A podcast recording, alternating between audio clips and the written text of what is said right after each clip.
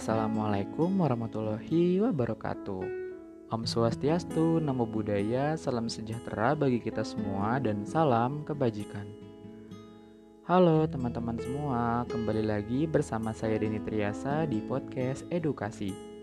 Seperti biasa, saya membuat podcast dengan tujuan untuk memenuhi tugas mata kuliah pengembangan sumber dan media pembelajaran sosiologi. Oke nih teman-teman, pada kesempatan kali ini saya akan membahas seputar tentang macam-macam media pembelajaran yang digunakan oleh guru saat pembelajaran luring atau non-digital. Seperti apa yang sudah kita ketahui sebelumnya, media pembelajaran merupakan alat yang digunakan oleh guru untuk menunjang proses belajar. Dengan demikian, di dalam proses belajar, seorang guru dituntut untuk bisa lebih kreatif dalam menyampaikan materi pembelajaran yang disampaikan, agar para peserta didik yang mendapatkan materi pembelajaran tersebut bisa mengerti dan paham dengan materi yang disampaikan oleh guru. Di zaman seperti sekarang ini, model-model pembelajaran yang digunakan oleh guru sangatlah banyak dan beragam mulai dari pembelajaran online berbasis media digital maupun pembelajaran offline atau luring yang memanfaatkan media non-digital. Bahkan ada juga metode pembelajaran terbaru yaitu hybrid learning atau sistem belajar dengan mengkolaborasikan metode online dan offline dalam menunjang proses belajar. Untuk saat ini, Yuk kita bahas lebih jauh lagi mengenai apa aja sih media pembelajaran offline atau luring yang digunakan oleh guru berbasis non-digital. Di antaranya meliputi yang pertama, ada memanfaatkan fenomena yang ada di lingkungan sekitar. Dalam hal ini, biasanya seorang guru mengarahkan para peserta didik untuk belajar langsung, mengamati, dan menganalisis baik fenomena sosial maupun fenomena alam yang ada di lingkungan masyarakat sebagai media pembelajarannya. Contohnya adalah seorang guru memerintahkan muridnya untuk mengamati pohon-pohon untuk mempelajari materi biologi tentang fotosintesis tumbuhan atau mengamati gejala-gejala sosial masyarakat yang ada di dalam materi sosiologi. Yang kedua, memanfaatkan fasilitas sekolah seperti laboratorium. Dalam hal ini, seorang guru memerintahkan anak muridnya untuk mempelajari unsur-unsur kimia menguji, dan menganalisis suatu benda-benda kecil, dan masih banyak lagi.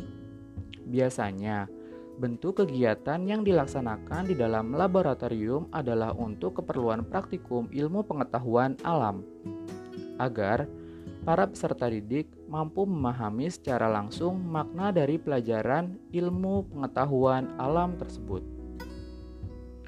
Yang ketiga, memanfaatkan perpustakaan sekolah.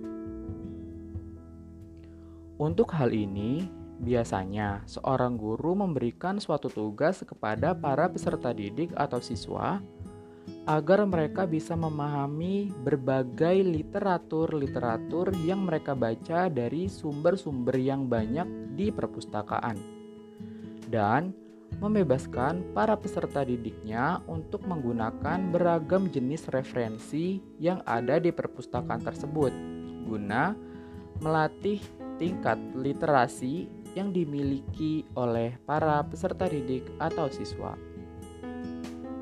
Yang keempat, memanfaatkan modul-modul pembelajaran. Biasanya, untuk menunjang proses belajar, siswa, seorang guru paling sering memanfaatkan atau menggunakan media modul atau lembar kerja siswa atau biasa dikenal dengan LKS yang dimiliki oleh siswa untuk mengerjakan soal, menganalisis kasus, dan lain sebagainya untuk menunjang proses belajar. Yang kelima, memanfaatkan benda-benda yang berwujud fisik. Misalnya, ada globe, atlas, tabel unsur kimia, berbagai macam bebatuan alam, dan masih banyak lagi. Hal ini digunakan untuk memaksimalkan pemahaman siswa akan wujud asli dari materi apa yang sudah mereka pelajari. Contohnya nih, ada siswa yang sedang mempelajari pelajaran geografi tentang jenis-jenis bebatuan. Nah, seorang guru ingin memaksimalkan pembelajaran tentang batuan-batuan alam tersebut. Lalu, guru tersebut langsung membawa batuan-batuan alam secara langsung dan ditunjukkan kepada siswanya. Atau ditunjukkan secara langsung nih bentuk fisik dari bebatuan tersebut. Nah, dengan demikian, dari semua media pembelajaran luring yang sudah dijelaskan tadi, selanjutnya ada faktor-faktor pendukung lainnya di dalam memanfaatkan media pembelajaran berbasis non-digital. Salah satunya adalah dengan memanfaatkan fasilitas dan ruangan sekolah yang mumpuni untuk menunjang peserta didik mengeksplorasi baik fenomena maupun teori dalam memahami materi pembelajaran yang diberikan oleh guru.